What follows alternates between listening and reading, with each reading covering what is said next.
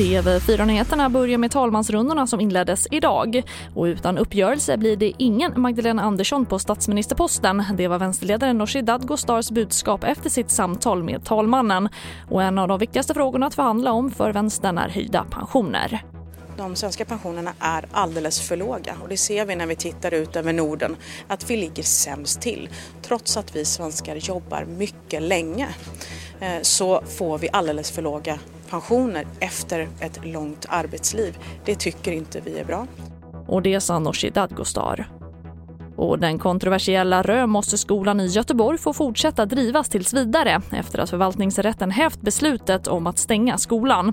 Skolinspektionen meddelade i slutet av oktober att skolans ledning sågs som olämplig och därför stoppade man verksamheten. Något som nu alltså ändras i väntan på vidare prövning.